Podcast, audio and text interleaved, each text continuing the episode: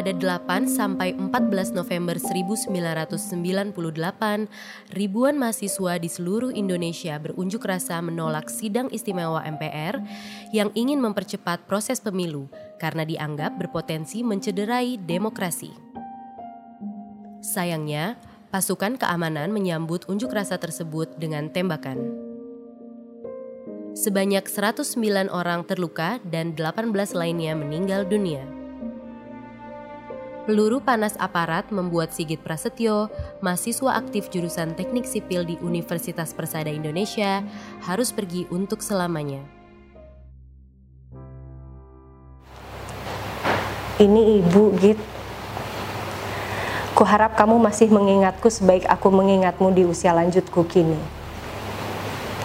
Kuharap kamu masih mengingatku sebagaimana aku mengingat kedisiplinanmu saat kau kecil dulu.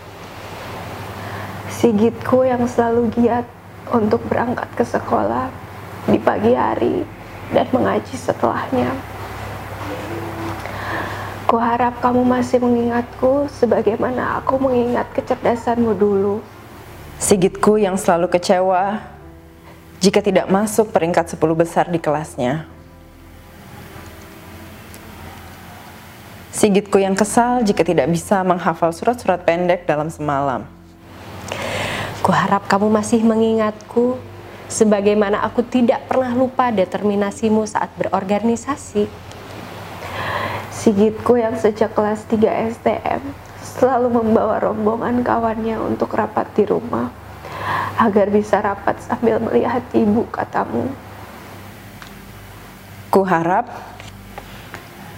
kamu masih mengingatkanku sebagaimana aku tidak pernah lupa saat-saat di mana pergerakan terkristalisasi di dalam jiwamu.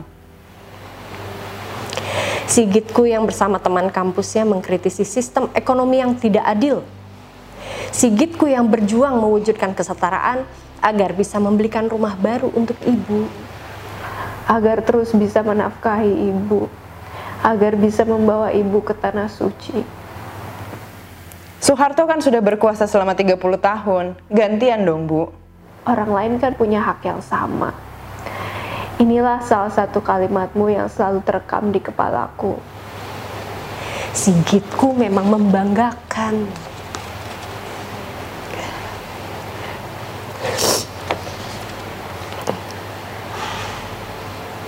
Tapi sesungguhnya ku harap aku tidak harus selalu membuka lara untuk sekedar mengingatmu. Kuharap dapat melihat Sigitku dalam kesehariannya, mungkin mengajarkan anak-anak di sekitar rumah mengaji di waktu senggangmu. Tapi sejatinya, kuharap aku tidak harus selalu membuka lara untuk sekedar mengingatmu.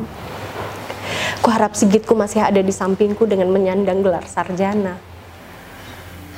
Kuharap aku dapat memajang ijazah dengan namamu, Sigitku, seperti yang dilakukan oleh orang tua pada umumnya. Tapi sebenarnya aku harap aku tidak harus selalu membuka lara untuk sekedar mengingatmu. Jika saja Sigitku masih di sini, tidak ditembak mati oleh Abri. Jika saja Sigitku tidak harus kuingat dengan cara menilik liang lahatnya yang berada di samping rumah. Sayangnya, negara tampaknya ingin lupa gitu mereka-mereka yang menyebabkan kematianmu terus diberi kuasa, terus diberi jabatan, mencalonkan diri menjadi pemimpin negara, diangkat menjadi menteri, dan masih banyak lagi. Sayangnya, negara tampaknya ingin lupa gitu. Orang-orang yang menyebabkan kematianmu tidak pernah diadili, apalagi di penjara. Mereka dapat dengan bebas berjalan ke sana kemari, tanpa malu tangannya bersimbah darah. Sayangnya, negara tampaknya memang ingin lupa, Git. Perjuanganku mengingatmu, perjuangan kawan-kawanmu menolak lupa, dan orang-orang yang merawat memori diredam. Dibungkam dan dibuat bisu. Namun, sama seperti Sigitku, aku akan terus mengingat menolak lupa bahwa perjuangan memang membutuhkan kedisiplinan, kecerdasan, dan determinasi agar terkristalisasi persis seperti yang dimiliki Sigitku dahulu. Memoriku untuk Mugit Selalu. Selalu. selalu.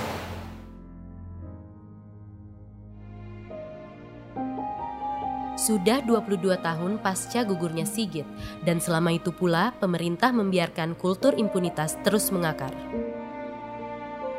Kasus Semanggi I telah dibawa ke pengadilan militer, tetapi peristiwa Trisakti, Semanggi I 1998 dan Semanggi II 1999 adalah peristiwa kejahatan terhadap kemanusiaan sebagaimana diatur dalam Undang-Undang Nomor 26 Tahun 2000. Untuk mengadilinya, pemerintah perlu menggunakan yurisdiksi pengadilan HAM. Kekerasan dapat memudar dengan hadirnya keadilan untuk kemanusiaan, dan Sigit pernah mencoba menghadirkannya. Meski Sigit telah pergi, bukan berarti perjuangan terhenti.